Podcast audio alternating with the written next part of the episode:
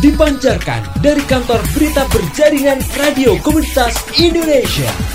Sangkala JRKI, Sangkala JRKI, Terminal Informasi Radio Komunitas. Baik, uh, selamat sore, uh, salam sejahtera, uh, assalamualaikum warahmatullahi wabarakatuh. Um, salam sehat para pendengar Sangkala Jaringan Radio Komunitas Indonesia di mana pun anda uh, berada dan mendengarkan siaran uh, pada sore hari ini. Kita jumpa untuk kelima kalinya nih di bincang Rabu Sangkala bersama jaringan Radio Komunitas Indonesia dan Pokja Pelibatan Masyarakat. Ini ini seri kelima. Kali ini kita akan mengambil tema soal move on dari COVID-19. Saya sudah punya tamu yang sangat istimewa, ada hadir di ujung sana Bang Arya Sandi Yuda, ada Wakil Ketua PMI eh, DKI Jakarta. Sore Bang Arya atau Mas Arya saya sebut. Sore Mas Budi. Oke ya Mas Arya sehat selalu. Baik teman-teman uh, para pendengar Sangkala di mana pun anda berada acara ini disiarkan secara langsung melalui streaming di www.sangkala.id dan juga dipancar luaskan atau uh, tunda melalui uh, jaringan radio komunitas Indonesia di berbagai tempat di Indonesia termasuk juga live di YouTube di channelnya JRK Indonesia pada sore hari ini. Bang Arya, terima kasih berkenan berkenan untuk menjadi tamu Sangkala JRK pada sore hari ini.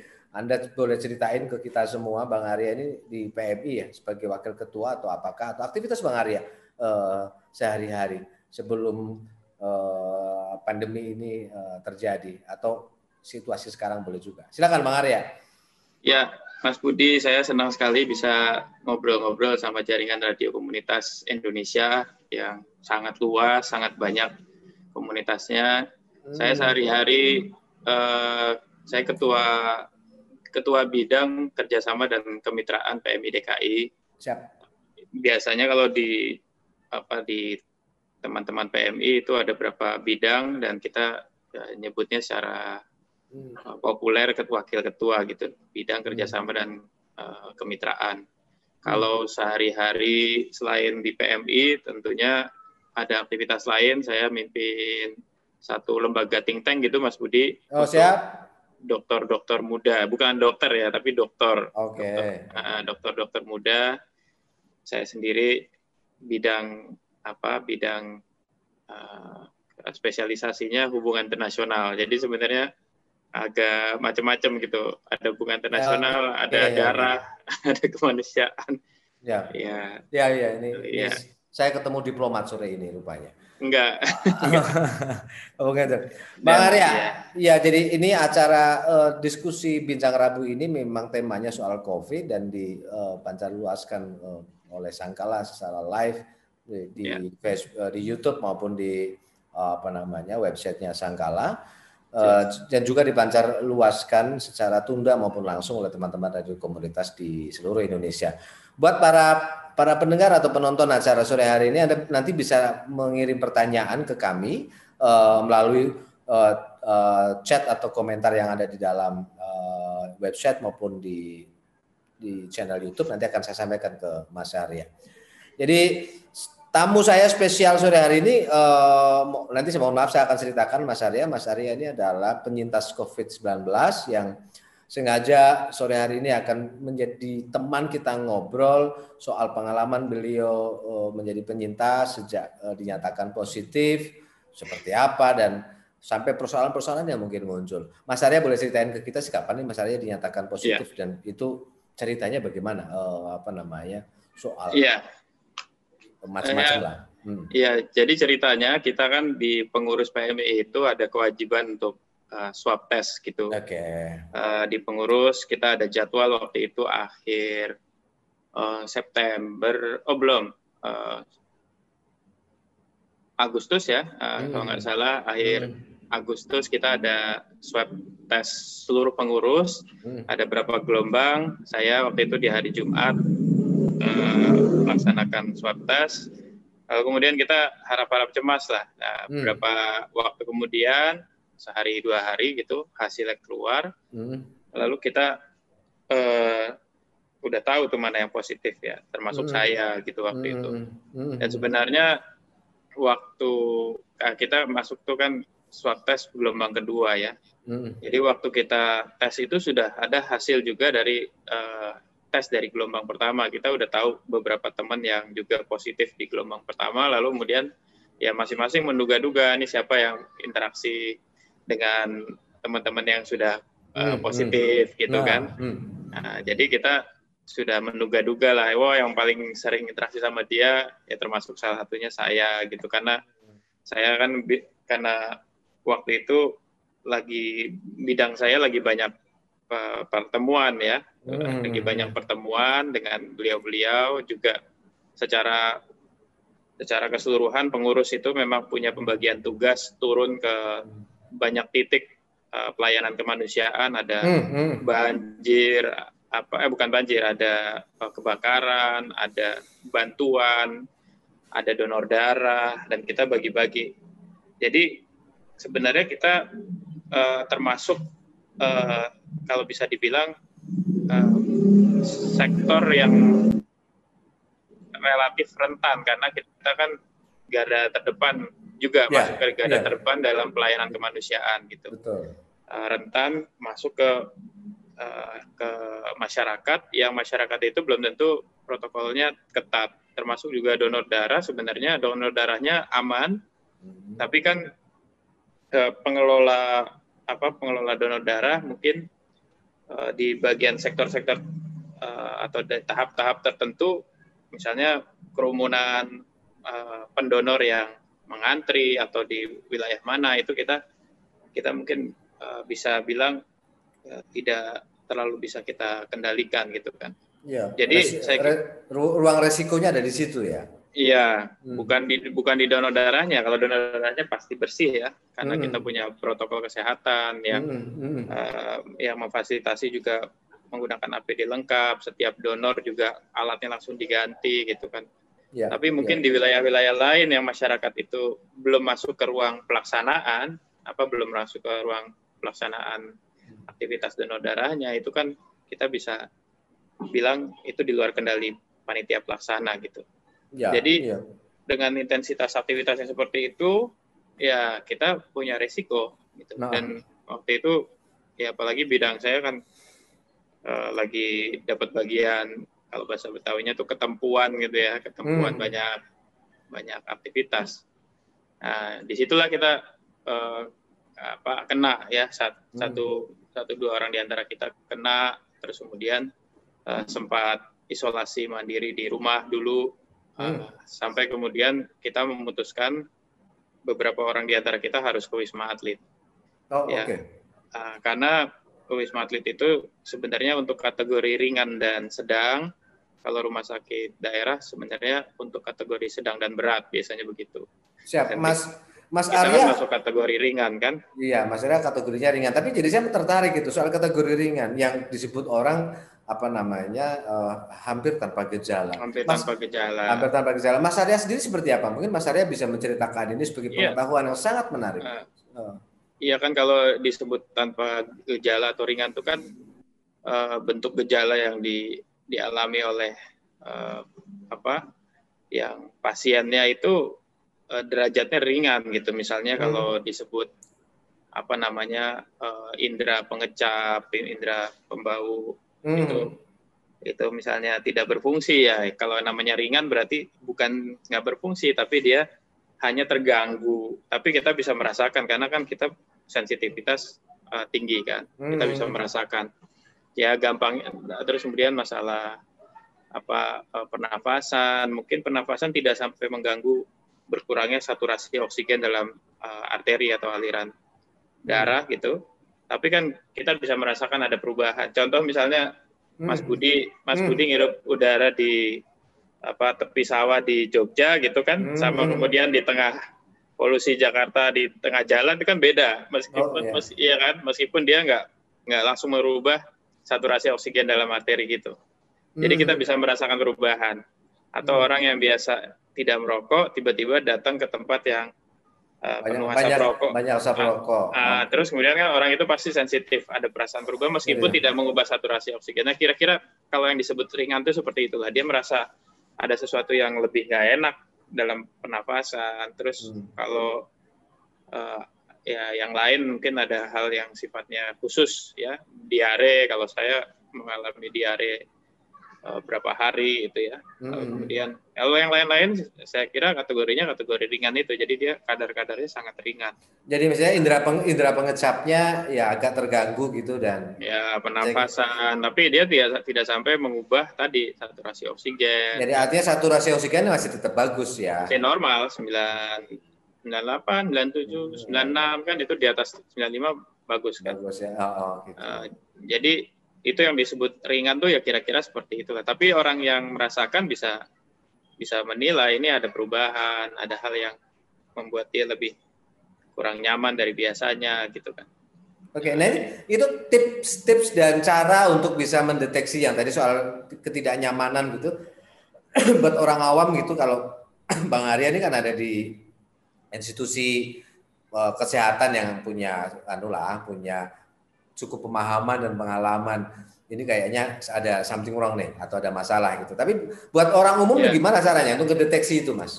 Oh iya, jadi kalau yang disebut saturasi itu kan biasa kita beli oximeter aja tuh yang 120 uh -huh. ribuan lah kalau di Tokped gitu kan beli aja. Hmm. Karena masa seperti ini nggak terlalu mahal kan 120 hmm. ribuan atau hmm. satu rumah cukup satu bisa dipakai semua orang jadi uh, itu kalau pagi, siang, sore, menjelang tidur, uh, malam juga itu dijepit aja tuh oximeter yang hmm. kecil itu dilihat kalau 95 ke bawah ya kita harus ke rumah sakit. Tapi kalau di atas itu normal. Nah, kalau untuk orang yang kena gejala ringan sebenarnya dia disebut tanpa gejala karena dia tidak terukur secara kuantitatif di hmm. di itu mungkin. Tapi sebenarnya orang yang kena kalau hmm. dia sensitif ya, kalau dia ah. sensitif ah. dan hmm. cukup peka, misalnya kondisi kesehatannya sangat prima, dia kan ada perubahan atau gangguan sedikit dia nah, sensitif kan Mas Budi. Hmm. Dia hmm. dia lihat di sininya 96, 97, 98 atau bahkan 99 tapi kan dia di ininya ada ada perasaan yang berbeda. Nah, hmm. kalau misalnya diare ya standar kita bisa merasakan biasanya seperti apa, apa metaboliknya seperti apa, tapi kok tiba-tiba hari itu berlebihan, bisa sampai belasan, mungkin 20 kali mundar mandir itu kan sudah berlebih. Jadi seperti itu. Nah, kalau di kalau di apa namanya ditangani secara mandiri, yang penting ketika kita dapat pengumuman positif, lalu yang paling penting adalah kita tidak jadi spreader bagi orang terdekat. Oke. Okay. Tidak langsung kemudian isolasi. Kalau yang rumahnya dua lantai, dia langsung isolasi di lantai dua sendiri. Kalau yang satu lantai, dia betul-betul tertib, disiplin isolasi di kamarnya.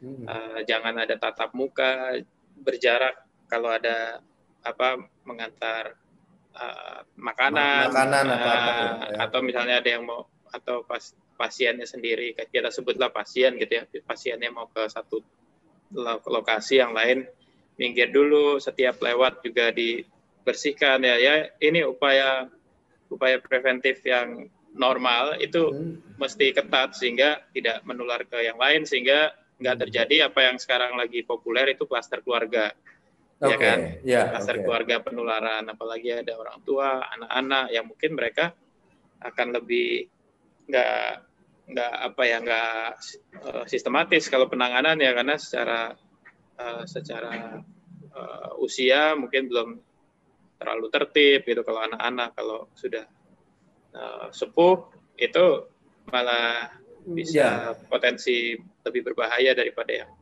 usia muda meskipun muda juga nggak jaminan.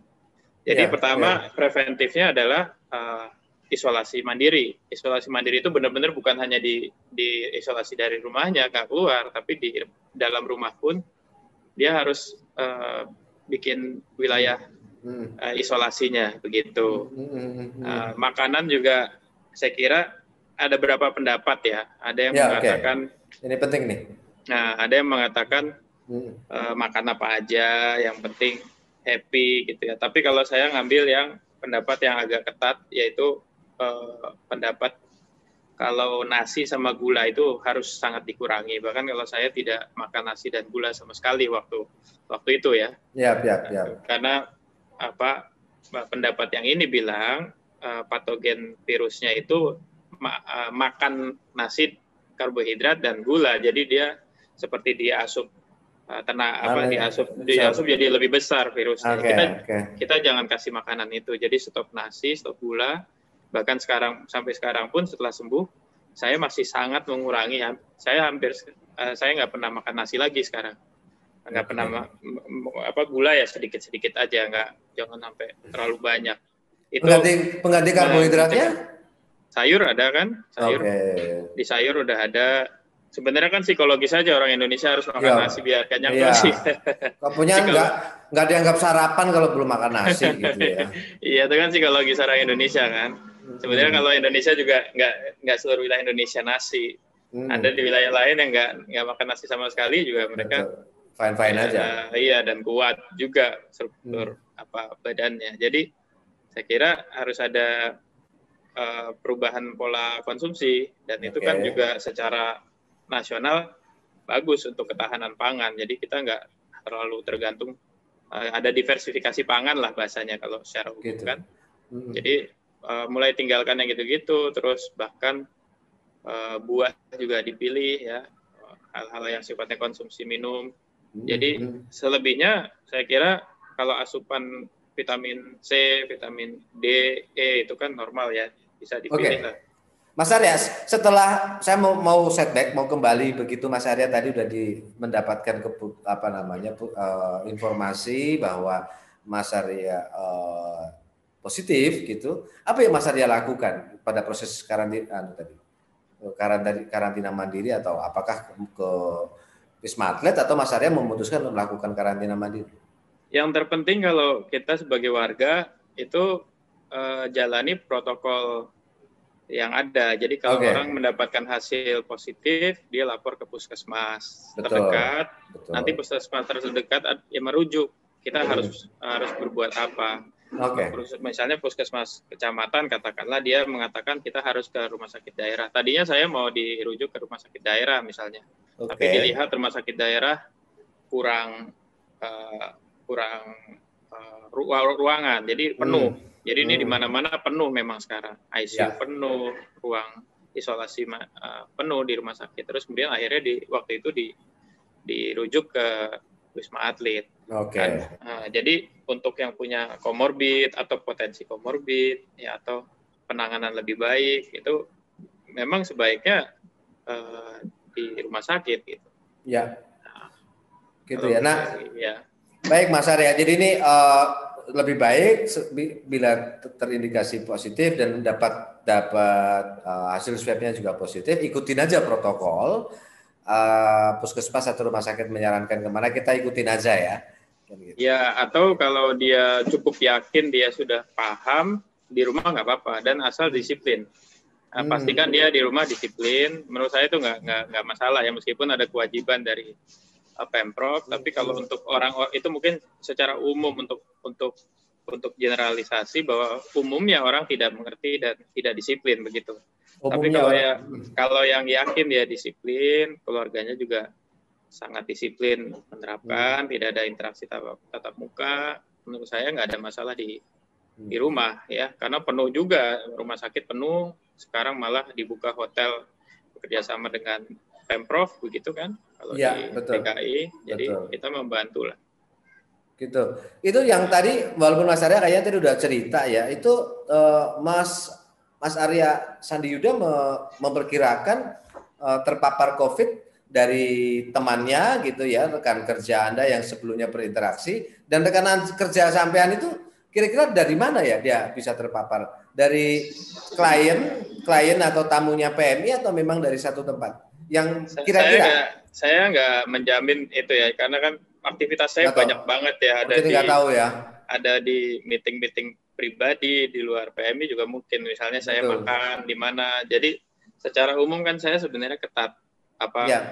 melaksanakan protokol cuma kalau makan itu kan kita pasti buka kan Oh iya, iya iya. Makan nah, waktu itu kan PSBB sudah dilonggarkan, jadi rumah makan buka. Kita uh, kita juga banyak meeting di luar ini di luar PMI. Jadi iya, opsinya iya, iya. sangat banyak.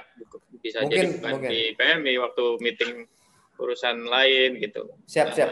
Apakah apakah mungkin juga saya nggak tahu uh, apakah mungkin uh, potensi itu ter, tertular di tempat uh, ruang meeting yang ber AC dan tertutup ya, rapat ruang gitu? makan ruang makan paling paling mungkin kan salah satunya ruang makan ya, ya. apa rumah makan itu kan kita buka pastikan makan buka ya minum atau makan berinteraksi ya, gitu apalagi Jadi, apalagi ruangannya tanpa sirkulasi udaranya hanya AC ya, aja ya misalnya AC betul, hmm. betul seperti itu jadi, jadi seperti itu. Jadi ya, pertama ya hmm. kita jangan pernah anggap remeh karena bisa di mana saja. Pun. Tapi Betul. kalau sudah kena juga jangan terlalu panik dan masyarakat juga jangan terlalu apa uh, judging gitu bahwa ini seperti orang yang harus betul-betul dikucilkan dapat stigma negatif nggak perlu karena sebenarnya dia bisa ditangani dengan dengan cara yang uh, sudah sudah pattern gitu, sudah ada polanya. Nah, yang penting disiplin di situ. Terus kemudian ini juga penyakit yang bisa disembuhkan, apalagi untuk orang yang misalnya dia nggak ada komorbid, ya, dia nggak ada penyakit penyerta gitu. Mm-hmm. Terus usianya juga relatif masih muda, harusnya dia bisa ditangani segera. Tujuh tujuh hari atau 14 hari kemudian dites lagi. Lalu kemudian setelah tes negatif seperti saya sudah setelah 14 kan di swab total swab uh, apa tujuh hari di wisma di, di swab negatif kita isolasi mandiri lagi di rumah sampai hmm. tertib sampai kondisi pulih sehingga tidak tertular lagi gitu baru aktivitas lagi juga bisa berlangsung seperti biasa tapi dengan kewaspadaan. Oh, Dan, jadi Mas Arya ini tujuh hari di Wisma Atlet, ke, uh, swab ya, negatif, ya. 14, 14 hari isolasi mandiri, swab lagi. Baru, iya baru habis itu keluar. Baru itu keluar, keluar ya. aktivitas gitu, dengan tetap dengan protokol, tetap protokol, ya, meskipun uh, ada yang meskipun ada yang bilang kalau sudah pernah kena dan sembuh dia lebih uh, imun, ada antibodi itu kan umumnya imunisasi juga seperti itu. Hmm. Uh, makanya ada konsep tentang terapi. Nanti ada istilah terapi plasma konvale, uh, uh, konvalesen kan? Atau itu, plasma darah ya? Okay. Iya plasma darah itu kan prinsipnya sebenarnya logika imunisasi. Ini meskipun ini juga namanya penyakit baru, ini masih uh, belum konklusif ya penelitiannya. Ya, belum terlalu, uh, masih debatable ya. Tetapi uh, tapi tetap aja satu kita, pilihan. Oke. Okay. Kita satu pilihan.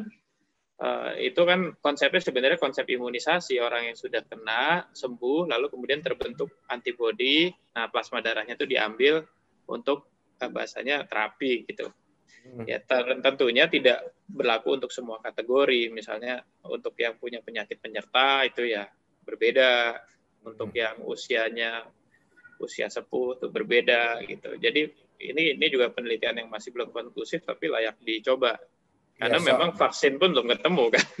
Ya, tapi ini menarik juga soal ya. uh, mungkin nanti akan didiskusi yang lain. Tapi ini Betul. saya kira pembuka pembuka yang menarik soal apa nanti transfusi plasma darah orang yang ya. pernah positif dinyatakan sembuh, ya. mendonor mendonorkan plasmanya dan nanti di, dimanfaatkan untuk mereka yang mungkin uh, sedang sakit, sedang sakit dan, dan sangat membutuhkan misalnya. Betul.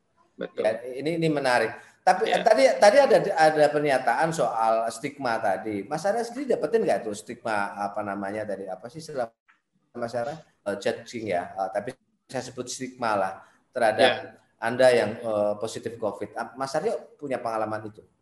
Uh, saya tinggal di lingkungan yang sangat positif ya dan hmm, lingkungan saya lingkung, lingkungan saya lingkungan biasa banget masyarakat super. pada umumnya uh, masyarakat pada umumnya Jakarta ya bukan perumahan elit juga tapi yeah. responnya sangat positif bahkan kalau di lingkungan saya sangat guyup jadi bagus, bagus. waktu saya ke Wisma Atlet di rumah sendiri tiap hari tiap jam makan ada yang ngirimin makan ke rumah kita gitu jadi oh gitu ya uh, menurut saya ini satu model dan ini info buat Mas Budi yang lagi Siap. di Jogja. Iya. Uh, rumah saya itu lingkungannya mayoritas orang Jogja, Mas.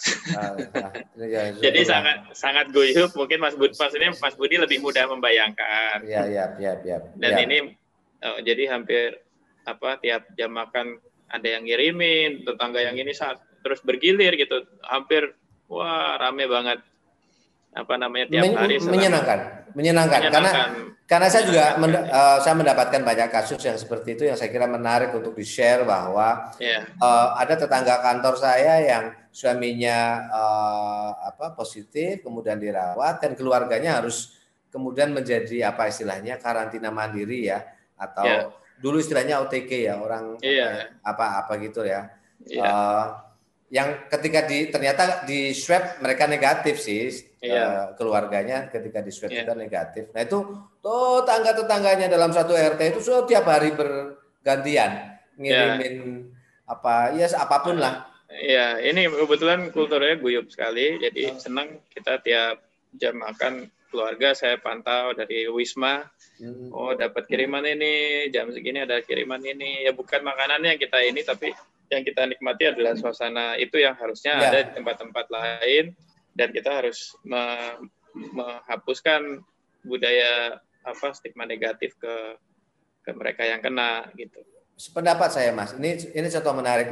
Para pendengar Sangkala di mana pun anda berada yang mendengarkan diskusi atau pembicaraan saya dengan Mas Arya Sandi Yuda eh, pada sore hari ini, mungkin teman-teman bisa men-share dan mengajak banyak orang di Indonesia, di desa-desa, yeah. di kampung-kampung, di kota-kota untuk kita uh, saatnya sekarang untuk saling ber apa namanya, oh ya bahu membahu, gotong royong.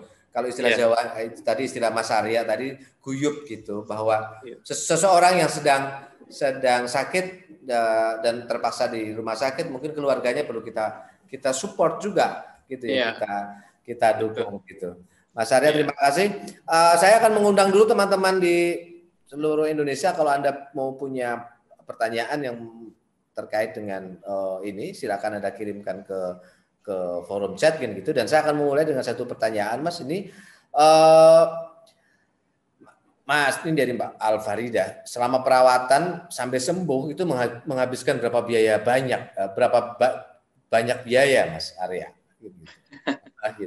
Ya sebenarnya gini ya, ini ini, ini pribadi sekali kan. Iya. Uh, personal. Mungkin bukan personal, tapi mungkin kalau apakah ini ditanggung yeah. pemerintah atau apa atau apa mungkin. Iya, kalau, kalau tadi uh, saya sebut ada ada pengurangan pertama dari segi menu. Hmm. Berkurang nasi, berkurang gula, itu ya, hmm. itu sebenarnya uh, jadi pengurangan kan dari dari segi asupan sebenarnya. Tapi Lebih sebenarnya ya. hmm Nah, berkurang tapi yang harus ditambahkan juga banyak misalnya daging ditambahkan protein kan hmm. seperti itu jadi hmm. sebenarnya sama aja hmm. terus dari segi asupan vitamin pasti kita beli eh, terutama kalau saya ini mungkin sebut merek dikit nggak apa-apa saya eh, termasuk yang uh, sekeluarga biasanya konsumsi Black Morris itu kan hmm. beberapa dokter juga waktu saya di Wisma waktu dokter apa spesialis datang uh, rutin menjenguk itu mereka lihat oh saya punya Black Morris oh ini bagus nih Pak katanya gitu. Hmm. Jadi menurut saya itu rekomend juga untuk dikonsumsi sebagai imunitas ya. Black Morris hmm. ada yang untuk anak juga ada. Hmm. Ya, selebihnya menurut saya nggak nggak ada yang terlalu harus karena yang penting itu kan vitamin C, vitamin D berjemur. Hmm. Jadi selebihnya eh, normal-normal aja ya. Terus yep. yang penting itu puasa puasa dari gula nasi. Ya, glukosa ya. Oh, ya. Puasa, puasa dari oh, ya puasa nasi sama gula itu. Jadi sebenarnya nggak ada yang terlalu berubah, apalagi kalau tadi lingkungan guyup. Jadi pada saat kita tidak bisa mobilitas, nggak bisa produksi, artinya aktivitas ekonomi terhenti karena kita dirawat. Oh, ada yang bantu. Akhirnya kita juga uh, pemasukan uh, terhenti, tapi kan ternyata pengeluaran ditangani oleh lingkungan. Itu ya. kan kelebihannya Indonesia harusnya seperti itu. Betul, saya setuju. Saya setuju. Jadi ini soal itu saya berulang-ulang saya selalu ngobrolin gini nih. Kita, kita Indonesia itu punya gen people to people movement ketika ada yeah. apa namanya situasi bencana dan saya tahu PMI uh, eh, termasuk yeah. juga organisasi kemanusiaan yang lain itu kalau ada yeah. situasi bencana di mana pun kan selalu ada di depan dan orang akan orang akan bergotong royong untuk uh, apa namanya uh, orang membantu yang lain. Yang ini, ya, ini ya, itu itu itu lebih itu lebih bermanfaat gitu ya ngirimin hmm. makanan hmm. itu lebih bermanfaat daripada uh, eh, terus menerus nanya uh, kondisi ya hmm. pada saat sakit. Jadi pada saat sakit terlalu sering ditanya kondisi, terus terlalu banyak diwawancara, ya, uh, ya. diinterogasi apa uh, gejalanya apa pada saat sakit terus nggak terlalu membantu. Sangkala JRKI Terminal Informasi Radio Komunitas.